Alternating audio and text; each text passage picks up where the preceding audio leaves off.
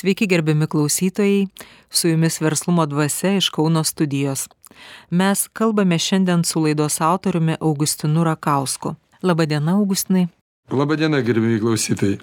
Šiandien mūsų visuomenėje, norim to ar ne, dominuojančios būsenos yra baimė ir pyktis. Ar suvokiam, kokį baimės ir pykčio impulsą sugeneruoja šiandieną pasauliui dviejų regionų kariniai konfliktai tad šiandien laidoje pakalbėsim apie baimę ir pyktį. Dažnai norėdami išvengti jų poveikio žmonės bando pasikliauti savo žinojimu. Kiek augustinai žmogus gali apsaugoti savo individualų žinojimą nuo bet kokios išorės įtakos? Nė vienas žmogus savo žinojimo negali realizuoti, jeigu nėra sąsajų su kitais žmonėmis. Jis negali savo būsenos realizuoti.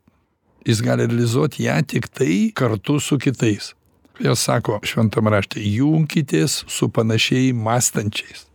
Augustinai, jūs nekartą esate sakęs, kad viskas, kas mūsų supa, yra tam, kad mes panaudotume savo sielos būseną. Ir štai žiūrėkit, žmoguje yra prigimtinės savybės, kaip pyktis ir baimė. Tai yra dalis žmogaus fundamento, bet kokiose proporcijose, kaip, kokio reikia būti samoningumo, suvokiant, kad kaip šitais dalykais naudotis ir kam jie duoti. Kaip impulsai veikia, kaip virpesiai veikia. Nes perkelkim, kad pyktis ir baimė tai yra tie patys virpesiai tik kuom jie skiriasi baimės atmosfera nesusikuria vien tik žmoguje prielaida terpia bijoti kuria mus supanti aplinka. Mes tiktai ją kaip sako pradedam eksploatuot. Nes jeigu mes turime nuostatą kad to reikia bijoti o ta nuostata gimus iš to kad vienoks ar kitoks reiškinys yra mum įrodęs kad jo reik bijoti įrodęs pavyzdžiui tam tikrais epizodais tam tikrais pavyzdžiais kad reikia saugotis nenukristi nepaslysti žiemos metu. Vinguriuojančios mašinos priešais važiuojančios reikia bijoti nes galbūt ten važiuoja girtas. Tai mes ką darom? Mes bijom. Mes traukiamės į šoną ieškom saugesnės vietos net švilpianti gaisrinė arba greitoji lekia ir kodėl sako reikia pasitraukti į šoną. Tai visi šitie faktoriai rodo kad tiek baimė tiek pyktis jie turi turėt terpę nes iš niekur niekas taip nevyksta. Jeigu aplinka nesukūrus galimybių reikštis pykčiui arba baimei tai pas žmones tai ir nesireiškia ir kodėl labai žmonės pyksta ir akcentuoja kreipia dėmesį į manipuliacijas nes kada yra manipuliuojama tokiais dalykais kaip žmonių baimė kaip pyktis kada yra sąmoningai tam tikrų žmonių siekiant savo tikslų sukeliamas pyktis. Ką lietuvoj mėgsta daryti kad pridengti savo blogą vadovavimą arba blogus sprendimus tada ieško ką apkaltyti. Verslininkai kaltina politikus o politikai kaltina verslininkus. Migracija vyksta todėl kad mažai moka.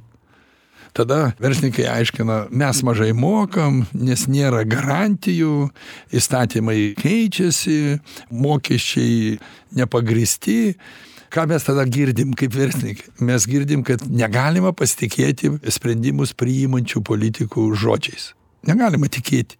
Kad mes išsaugotume verslą mes kaupiam lėšas kad galėtume tokiose ekstremaliose situacijose kaip krizės kaip visokie nelogiški sprendimai tiek bankų tiek visokių poįstatyminių aktų kad jie nesugriautų mūsų gyvenimo ir tų žmonių gyvenimų kuriem mes įsipareigoję su kuriais mes dirbam.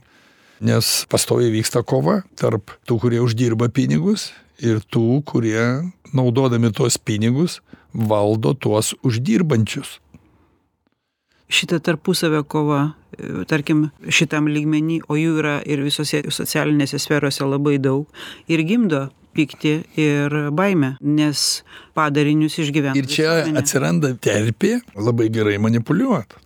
Nes nukreipiant ugnį arba į politikus, arba į verslininkus.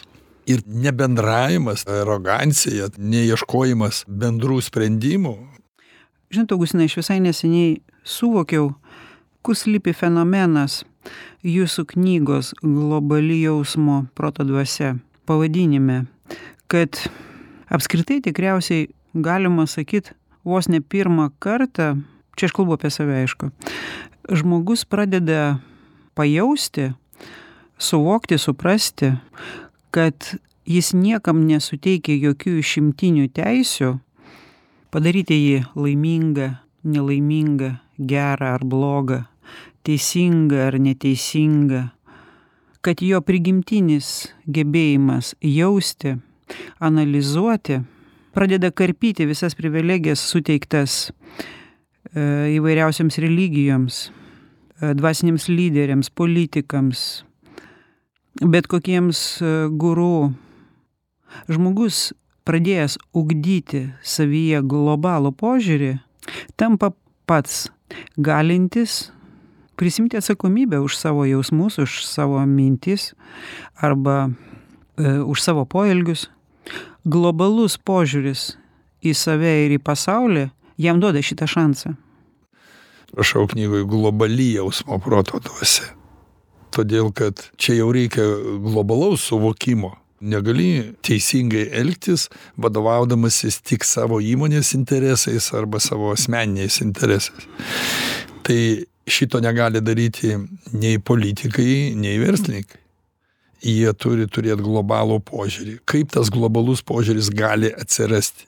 Kaip aš galiu žinoti, ką ir kodėl daro politikai, jeigu aš nesidomiu visiškai politika. Ir man įdomu, ką jie ten sprendžia, ką jie ten priima. Kaip gali politikas priminėti teisingus sprendimus, nesuvokdamas ir būdamas atitrūkęs nuo verslo problemų, nežinodamas, ką ten tas verslas daro, kodėl jis taip daro, kokie jo planai, kokios jo intencijos ir kas jam suponuoja vienokį ar kitokį elgesį kas sukuria baimę arba pyktį. Atsiranda tada manipuliavimo sfera, kurioje kažkas iš to daro verslą. Tada atsiranda biznis. Tada tie, kurie užsima šituo viešinimu, gynimu visuomenės interesų, atsiranda verslo sritis, manipuliuojant informaciją, vienus kaltyti, kitus girti. Ir tada, kas geriau moka, tos gyri. Ko bijo labiau, apie tos nekalba.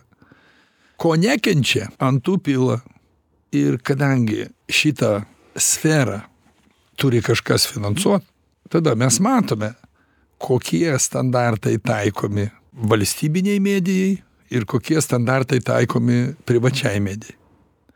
Ir tada vyksta tarp šitų subjektų tam tikra nematoma kova. Nes visi kovoja už įtaką, už teisę pasakyti, kas yra teisinga, kas yra neteisinga, kas yra geras, kas yra blogas. Tai štai kur yra šaknis šitų technologijų užgimimo ir šitų būsenų formavimosi ištakos. Žiūrėkit, Augustinai, jūs palėtėt vieną svarbę tokią vietą, jinai tokia labai subtili ir labai sunkiai išvelgiama. Šiandien į viešą erdvę eina tokie žmonės, kurių įvaizdis atitinka tuos standartus, kokie yra suformuoti visuomeniai. O kodėl taip yra? Todėl, kad mes esame padariniai to, ką apie mus galvoja kiti žmonės. Taip tikrai visuomeniai įbruka standartus, visuomenė juos nesąmoningai priima, o paskui pagal tuos standartus reikalauja aukščiausios kokybės rezultatų. Jis net nesigilina, koks tas šaltinis. Ir taip į areną įeina charizmatiškos asmenybės, kurios tarsi turi atsakymus visais klausimais, kurie yra opiausi mūsų visuomeniai. Dėl to mes savo laidose verslumo dvasia nuolat ir kalbam apie tai žmonėms, kad, kad tai yra tiesiog prigimtinė teisė siekti būti samoningam. Į tai nėra taip paprasta išaiškinti. Dedu pastangas bet mano retorika mano leksika. Bet matot jūsų retorika ir jūsų leksika kaip jūs e, sakote suformavo būtent e, tos sąvokos e, tokios kaip vieningas vienis globali jausmo proto dvasia keturi pagrindiniai faktoriai. Natūralu kad visi šitie nauji dariniai formuoja tiek naują požiūrį tiek apskritai siūlo naujas bendradarbiavimo formas. Kas iš to kad pasąmonėj pas mane viskas aiškiai stovi ant lentynų? Bet esu įkaitas žmonių domėjimosi ir noro suvokti kas vyksta. Visuomenė labai inertiška labai pripratus prie tų stereotipų ir labai prie jų prisirišus.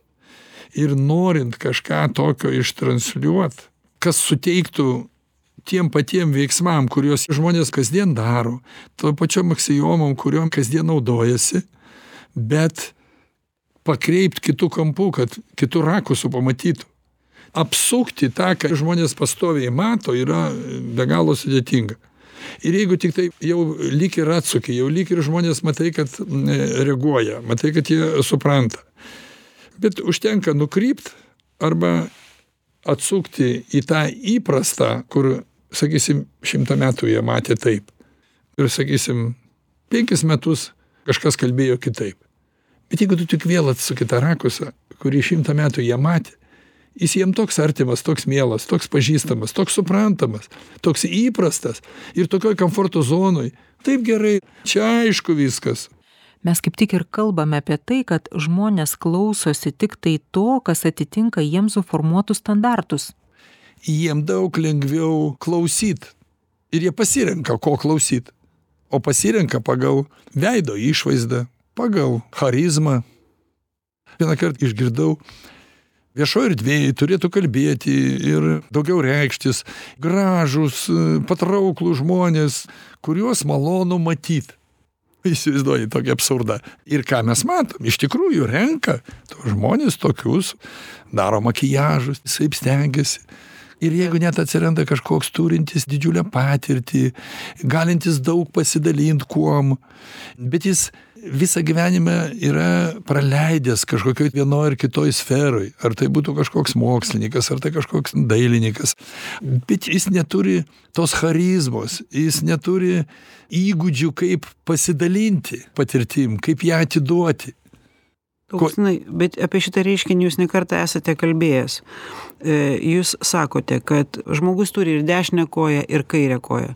Tai jeigu žiūrint platesniam ir gilesniam kontekste tai dabar kaip tik yra tas laikotarpis tarkim kairės kojos. Kada žmonės žengia tą žingsnį ir būtent su dešine koja pamatys kokias jie turi pasekmes.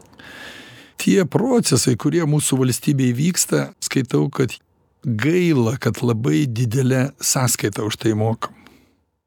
Labai gaila tų žmonių kurie atidavė visą gyvenimą kitoj santvarkoj kurie aukojosi būdami pedagogai.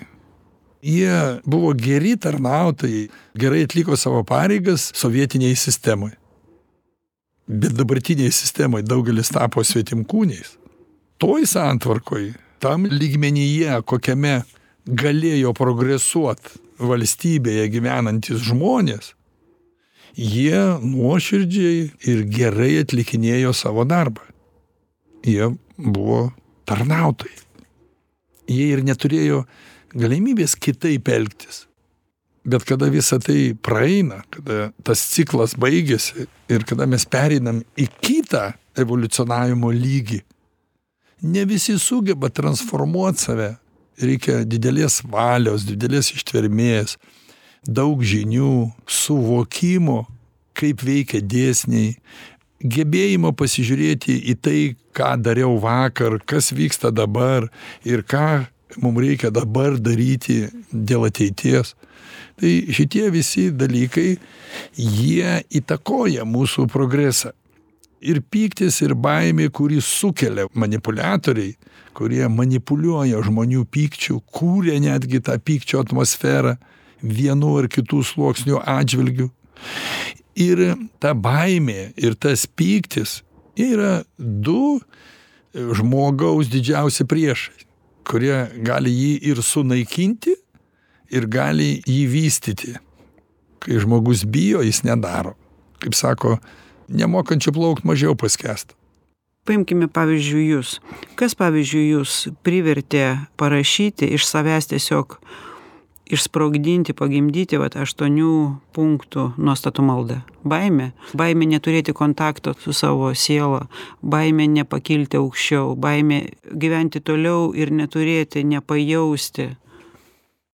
Kada mes kalbam apie baimės, dažnai žmonės suplaka labai taip paprastai, kaip pavyzdys, bijo dėl firmos griūties, dėl kažkokių tai išorinių faktorių. Bet mane atvedė prie tos būsenos, kuri išvirto į maldoje sudėtus žodžius, atvedė vidinė baimė. Būtent mano būsena. Bet žiūrėkit, koks paradoksas.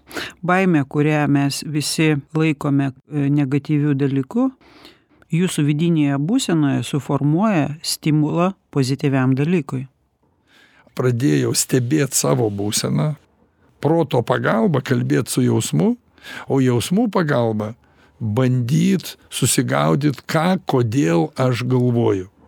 Kaip teisinu save, kaip atlikinėju tam tikrus veiksmus, modeliuoju ateitį. Kad tame susigaudyt, tai reikia labai gerai jaust. Kad suvokt, ką jauti ir kodėl jauti, kur intencijos tų jausmų jos gali iš ambicijų kilti iš pavydo iš pykčio iš noro padaryt laimingus vaikus arba noro susikurt stabilią senatvę daugybė gali būt priežasčių kurios suponuoja būtent vienokį ar kitokį jausmą. Bet lygiai taip pat supratimas įtakoja mūsų būseną. Mes dairomės darom išvadas analizuojam ir lygiai taip pat sukeliam tam tikrus jausmus. Mes sukeliam baimės jausmą sukeliam kažkokią įtampą sau. Ir tada kažkas sako paklausęs mūsų nu čia prisigalvojai visokių paprastai atsakau nu jeigu gali sugalvot tai reiškia gali ir būt nes negali žmogus sugalvot to ko negali būt. Matot kaip mes kalbame apie maldą tai jau yra susidaręs toks stereotipas kad malda yra būtinai susijusi su meile su šviesiais e, dalykais o jūs gi akcentuojat kad maldos dvasią suformavo baimė taip maldos dvasia užgimė iš vidinės baimės iš tos būsenos kurioje dominavo klausimas kokia viso to prasmė kas vyksta tokio galvojimo būdo, tokių išvadų, mastant apie veiklą, kurią vystai, ir iš to jautimo, ką tu jauti darydamas tai. Ir baimė atsirado tada, kada supratau, kad naikinu save, naikinu savo vertybės, kad turiu peržengti per tam tikras nuostatas. Kitai žodžiais tariant, pajutau kad iš vidaus braunasi man nepriimtina dvasia ir nori save materializuot man nuo to pasidarė baisu nes pradėjau jaust kad atitrūkstu nuo žmonių su kuriais dirbu kad man jų motyvacija tampa nepriimtina. Pradėjau suvokt kad nenoriu to kur veda būsena kurią sukuria išorė ir norint atitikti tos išorės reikalavimus turiu išgeneruoti tam tikrus vidinius jausmus arba juos primint arba juos suaktyvint ir pradėjau šitoj vietoj nesusigaudyt pradėjau abejot. Ir aišku tada pradėjau galvot kur čia tų žinių pasisemt pas ką paklaust. Ir supratau kad niekur tu nepaklausi. Pamačiau kad keliu klausimus į kuriuos man atsakyt žmonės negali pradėjau analizuot įvairias filosofijas ir įvairias religijas pradėjau gilintis į žmones kurie ieško atsakymo į tokius klausimus kaip gyvenimo prasmė kaip egzistencijos esmė kaip tikslai gyvenimo. Ir keliant šituos klausimus nieko kito neradau kaip kreiptis į dvasią. Suvokt pradėjau tuos dėsnius kad tie dėsniai dėsningai formuojasi tam tikra atmosfera ir kad suvokt tos atmosferos formavimosi prasmę spontaniškai man pradėjo kilt šitas poreikis ir pradėjau kreiptis suvokęs kad tie virpesiai koreliuoja nesąmoningam lygmenyje su kitais žmonėmis. Ir pradėjau praktikuot garsią maldą. Kadangi aš gyvenau kaime turėjau tuos atskirus namelius kuriuose galėjau netrukdomas melstis pradėjau tai praktikuot. Ir buvau nustebintas kad tai praktikuojant man pradėjo formuotis nuostatos kurios pradėjo demonstruot dėsnius. Dėsningumą tų nuostatų sąveikos tarpusavyje koreliaciją. Ir kokius tris metus ieškojau paskutinio punkto kuris užbaigia maldą. Ir aš priminsiu mūsų klausytojams kaip skamba aštuntas maldos nuostatos punktas. Viešpatie palaimink visus su kuriais mes buvome praeityje palaimink visus su kuriais mes esame dabar palaimink visus su kuriais mes būsime ateityje. Padėk mums dangaus ir žemės sieloms būti dieviškos išminties teisingumo tikėjimo ir meilės dvasios vieninga gyvybės galia. Gerbiami klausytojai, šitai žodžiais turime ir baigti pirmąją laidos dalį ir sustiksime po pertraukos. Gerbiami klausytojai, antra dalis verslumo dvasia. Pirmą dalį pabaigėme mintimi, kaip dažnai pačius karščiausius troškimus ir šiuo atveju maldos poreikį, norą pajausti, prakalbinti sielos dvasę paskatina baimė. Kadangi mes vadovaujamės šituo dvasiniu principu, kaip danguje, taip ir žemėje, tai nebūna tiktai iš jūsų pusės tam kad jumyse užgimtų šitas poreikis verčiamas tos vidinės būsenos tos vidinės baimės jūs turėjote gauti impulsą tos dvasios pastūmėjimą tos dvasios pašaukimą tam kad įvyktų šitas kontaktas kad jūs galėtumėt atlikti tą darbą iš principo dėl kurio jūs čia ir esate ir tada man atsirado ir prasmė ir aišku negalėjau to laikyt savyje. Prisiekiau sau kad kol pajėgsiu tol dalinsiuos ta malda su žmonėmis nors per metines šventes nors per velykas per kalėdas. Ir jau eilę metų tuom dalinuosi nes nelabai ką daugiau turiu vertingesnio ir naudingesnio žmonėm. Nes jeigu žmonės suvoktų koreliaciją visų punktų. Jeigu jie juos pradėtų taikyt kasdieniam gyvenime jeigu jie prasuktų tarp tos maldos aštuonių nuostatų aštuoniukę tai jie pamatytų kad tai apima visą mūsų gyvenimą visą evoliucijos esmę. Šitam dabartiniam išsivystymo lygyje ir tai nesipyksta nei su viena religija. Aišku jeigu žmonės nenori išsiveržti iš stereotipinių rėmų. Jie nenori plačiau globaliau pažiūrėt o nori tiktai eksploatuot tam tikras religines technologijas kurios kaip edukacinės technologijos daro poveikį žmogaus sąmoningumo ugdymui.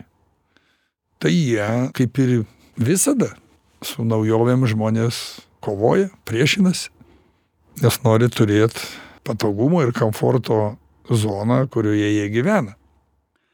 Augustinai mes keliame tam tikras prielaidas darome išvadas vadovaudamiesi to ką mes žinome apie šį pasaulį patys apie save.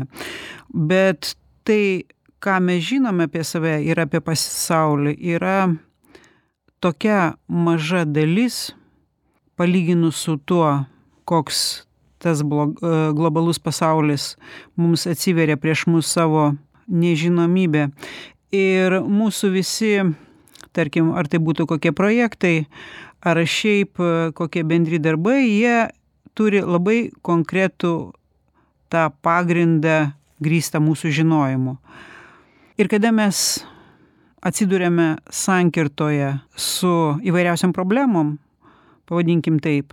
Tai dažniausiai tos problemos tėra nauja galimybė mūsų susidūrimo tai ką mes vadiname nežinau. Arba kitaip sakant tai kas yra nauja mūsų gyvenimo pakopa ar galimybė suteikta mums pradėt kažką keisti. Keist visada yra sunku. Ir požiūrį keist o tuo labiau vertybines nuostatas mes čia kaip ir nieko nekeičiam maldoje. Mes tiktai atnaujinam ir kitam kontekste pažiūrime koks tas kitas kontekstas. Kitas kontekstas tai yra koreliacija. Tai yra sąsajų demonstravimas. Tai yra demonstravimas kaip visa tai sueina į vieningo vienio būseną. Kad visi tie faktoriai jie įtakoja mūsų būsenos formavimąsi ir be vienų neveikia kiti. Kad čia viskas yra susieję ir kad šiandieną jau žmonėm pati evoliucija kelia reikalavimą tokiam kontekste žiūrėti į savo vidinės būsenos su jausmu ir protu santykyje ir su išoriniu visuomenės požiūriu su jo visos iš išorės žmonių sukurta dvasia e, mes ieškome tos koreliacijos. Kai aš sakau pirmiausia iš aš reikia pereiti į mes bet žiūrėkit kaip jūs įdomiai sakote evoliucija kelia reikalavimą. Ir ką mes matom mūsų gyvenime? Kad žmogus turi pradėt gilintis į savo sielą į jo skleidžiamą būseną matyti kad tai yra susiję su kitais žmonėmis pamatyti tą vieną organizmą. Ir tuo pačiu iš kitos pusės ką jūs kalbat kad evoliucija kelia reikalavimą mes matom kas vyksta pasaulyje. Kiek yra kad ir paimkim uraganai paimkim kokie nusikaltimai kokios riaušės mes gauname patys lyg tai kuriam tuos reiškinius kurie mumyse formuoja tam tikrą būseną ir per tą būseną mes pradedam kelti tuos klausimus prasmės klausimus kodėl taip vyksta kodėl nusinešė šitiek tūkstančių kodėl ten susprogo kodėl tas įvyko kodėl ten epidemija. Ir tas jūsų evoliucija kelia reikalavimą atrodo kad lyg neturėtų nieko o mes per tas pasekmes baisias prieinam prie to kokia mūsų šitų veiksmų vat nesirūpinimo vienas kito yra kaip pasakyt kas už to slypi. Tai čia kas yra? Čia tas abejingumas tom nustatytom tvarkom kurias žmonės susikuria kad jaustųsi saugūs kad galėtų išvengt problemų. Tai tik rodo kokia yra kaina kad mum labai brangiai kainuoja ignoravimas nuostatų kurios yra maldoje juk jeigu maldos nuostatų būtų laikomasi intencijų net sakyčiau kad nereikia vadint to malda. O jeigu turėt omenyje žodį viešpatie tai yra visi žmonės tai yra planetos žmonija tai yra ta dieviška dvasia kurią sudaro visi mūsų planetos žmonės. Ir jeigu tos nuostatos būtų taikomos tokia intencija visi žmonės turėtų kad reiškia apgyvendyti tokią vieningo vienio dvasią tai kokia daugybė tų problemų išnyktų. O dabar mes mokam kainą už stereotipinį požiūrį. Mes mokame kainą tais visais epizodais. Įtampa baime pykčiu tai yra jau pasekmės ignoravimo tokių nuostatų kurios sudėtos iš gyvenimiškos patirties į tas intencijas kurias tose nuostatose surašęs tai bet pažiūrėkit koks įdomus dalykas. Vadinasi šita dieviška dvasia per mūsų šitas jaučia kadangi mes stipriausiai nes tai informacinis laukas. Taip. mes jį vadinam dvasia. Ką visa žmonija pagimdo ką jinai sugeba subtiliam lygmenyje sukurt iš kurgi tos mintys visos sugulė į nuostatas. Taigi nepaėmiau žemės saujos cemento vandens pamaišiau ir gimė žodžiai visa tai padariau jausminiam lygmenyje savokiniam lygmenyje ir visa tai praleidus pro savo vidinę būseną, kada jausmų ir protų suvoki, kad tai yra aksiominės nuostatos, kurių negalima ignoruoti. Ir man pavyko jas užfiksuoti. Ir pats dažnai skaitydamas stebiuosi ir galvoju, kaip tai koreliuoja tarpusavį. Bet paradoksas koks e, tarp šitų aštuonių nuostatų jūsų užrašytų, kad juk visas vidinis darbas vyksta tarp Aš nuostatų. sakyčiau taip, Ingrida. Paskutinioji nuostata perskrodžia visas septynės iki pat pirmos. Sutraukia jas. Jos, jos praeina pro jas kaip dalyvavimas. Nes jeigu pradedi žiūrėti paskutinę ir pradedi žiūrėti kiekvieną atskirai, kiekvienoje randi, kad be tos paskutinės jinai neveiktų.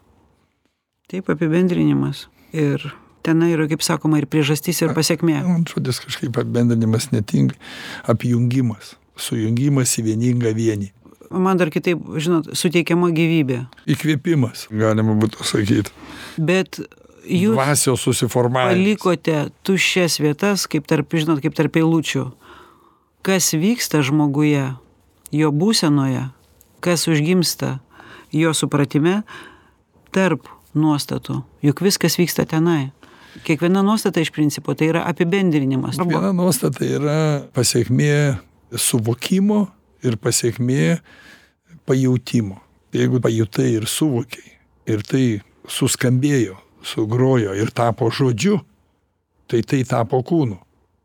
Dabar, kad tas žodis taptų fiziniai plotmėjai kūnų, kad jis pereitų į tvarkas, į vertybinės nuostatas, kad žmonės gautų suvokimą ir perkeltų jį į supratimą, tai kiek dar reikia praeit, kiek reikia analizuoti, kiek reikia gilintis, kiek reikia taikyti tas nuostatas ir pritraukinėti prie praktiškai atliekamų veiksmų ir rodyt paralelės, kad pažiūrėkite, kaip jos sueina, kad mes kasdieniam gyvenime taip elgiamės, tik tai nesąmoningai tai darom, visiškam chaose galima būtų sakyti.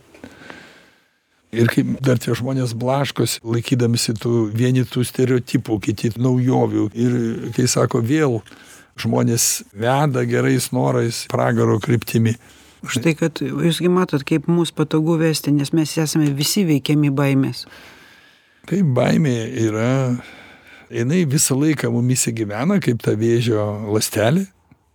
Jinai apsigyvenus per daugybę milijonus metų mumise kaip gyvybė, kaip savisaugos instinktas, kaip refleksas, kaip noras išlikti, noras gyventi, noras būti.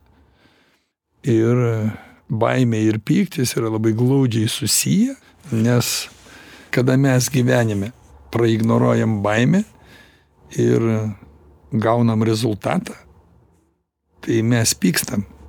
Svarbu momentą pasakėte. Štai vienas dėstytojas, e, jis fiziškai neįgalus ir jis skaitė paskaitą apie tai, kad e, kaip šokdamas nuo aukšto kranto, jis susilaužė stuburą. Ir sako, aš labai gerai dabar atskiriu jau per laiką, kaip aš stovėjau ir žiūrėjau tą vandenį, mane veikia intuicija. Aš ją priskyriau baimiai, kad ką aš čia bijau šokti dabar, a ką, nu kodėl aš čia turėčiau bijoti. Ką jisai kalba? Jisai sako, aš išprievartavau save, ignoruodamas jausmą. Jis išprievartavo savo fizinį kūną, fiziologiją privertė atlikti veiksmą, ignoruodamas jausmą, kuris braunasi visada labai švelniai, nes jis neturi kaulų, neturi kūno, to fiziologinio, kurį mes turime. O protas yra robotas, kuris siunčia tik tai išvadas iš tos sankaupos, kurią jisai yra sukaupęs. Tai, ką jisai supranta. O savoka, jinai siunčia subtiliam lygmenyje impulsus. Ir todėl mes ir sakome šeštas jausmas. Todėl, kad mes negalim to pasaulietiniais metodais pateikt arba suvaldyti. Mum tai yra labai silpnai apčiuopiama. Čia daug palieka vietos spekuliacijai. Vieni sako čia tu prisigalvojai kiti tai jeigu jauti sako kad yra kas nors blogai tai nedaryk.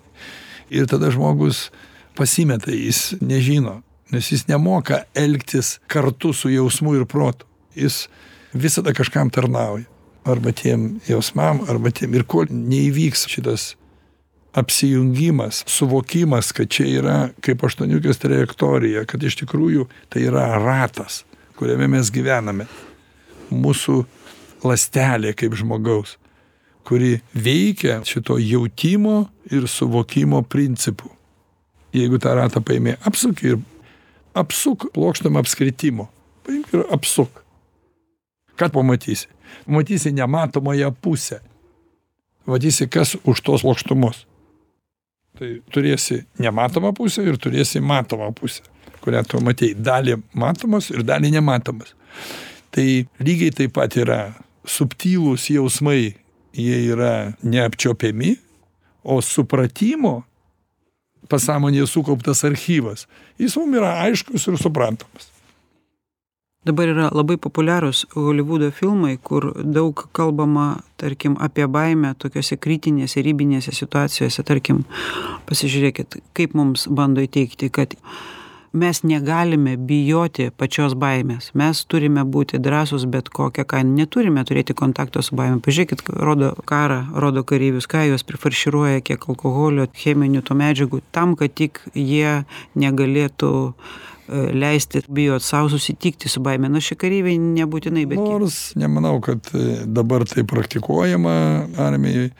Manau, kad dabar tai praktikuojama kiti metodai, jie daugiau žmonės sukoncentruoja ar tai į vien supratimą, ar tai į vien jautimą.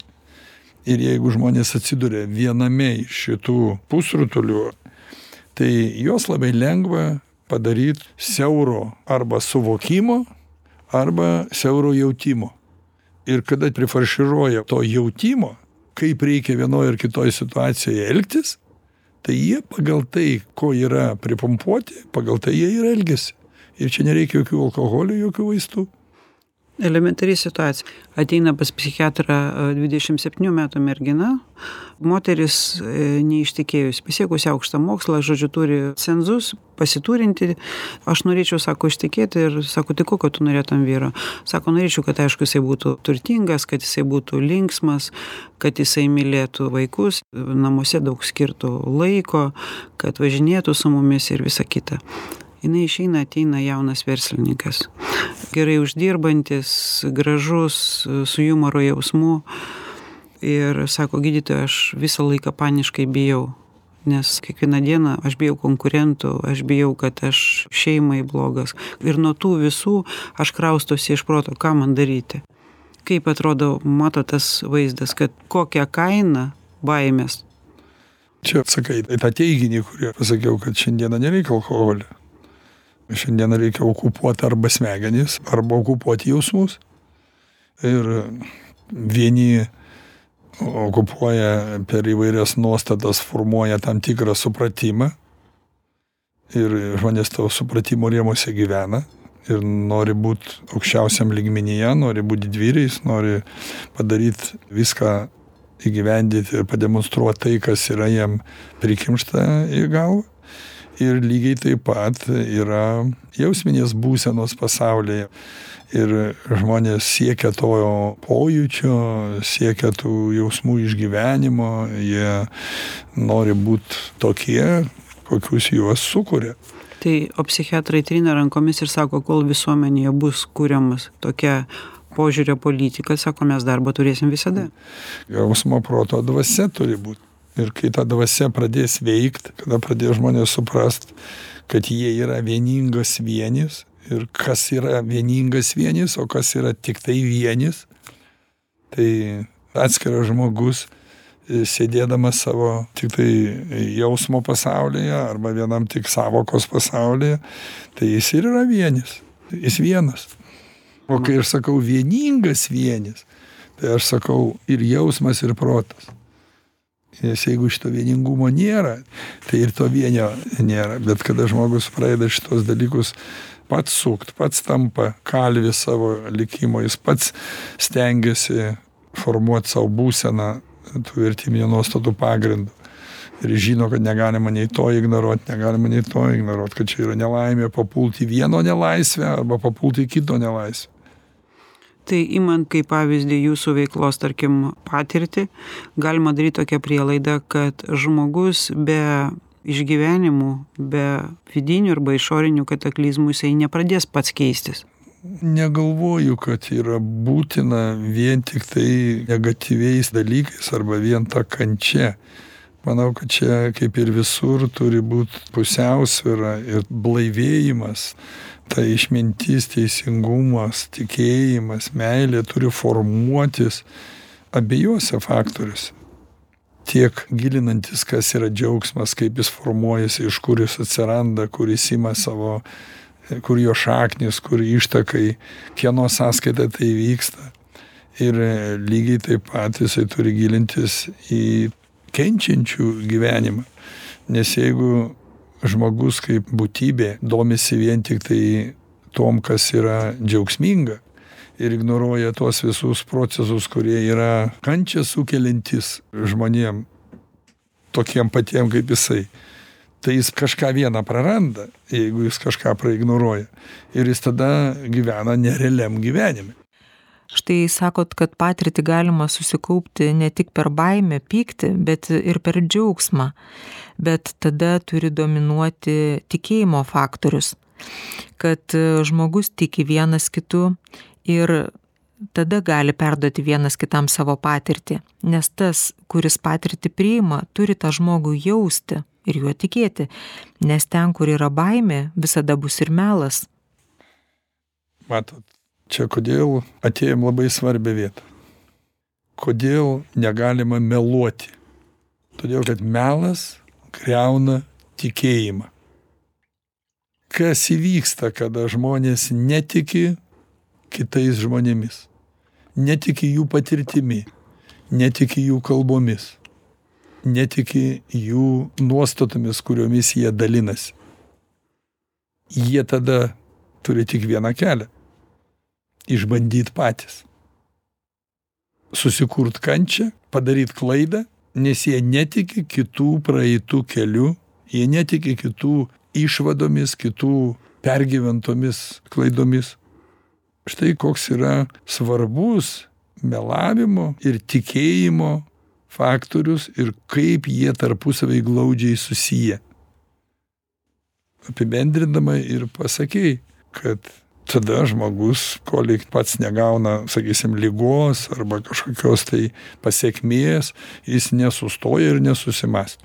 Bet jeigu jisai turi tikėjimo faktorių jeigu jis yra suformuotas ir jis moka atskirt pelus nuo grūdų moka atskirt melagį manipuliatorių nuo nuoširdžiai kalbančio nuo nuoširdžiai dalinančio savo patirtį tai kadangi yra tikėjimas ir nėra pagrindo netikėt nes sakysim kalbantis nemeluoja bet čia reikia jautimo. Ne tik supratimo bet reikia ir jautimo.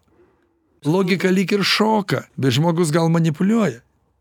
Bet jeigu tu jauti išugdęs tą jautimą o kad jis būtų reikia daug daug įdėt pastangų.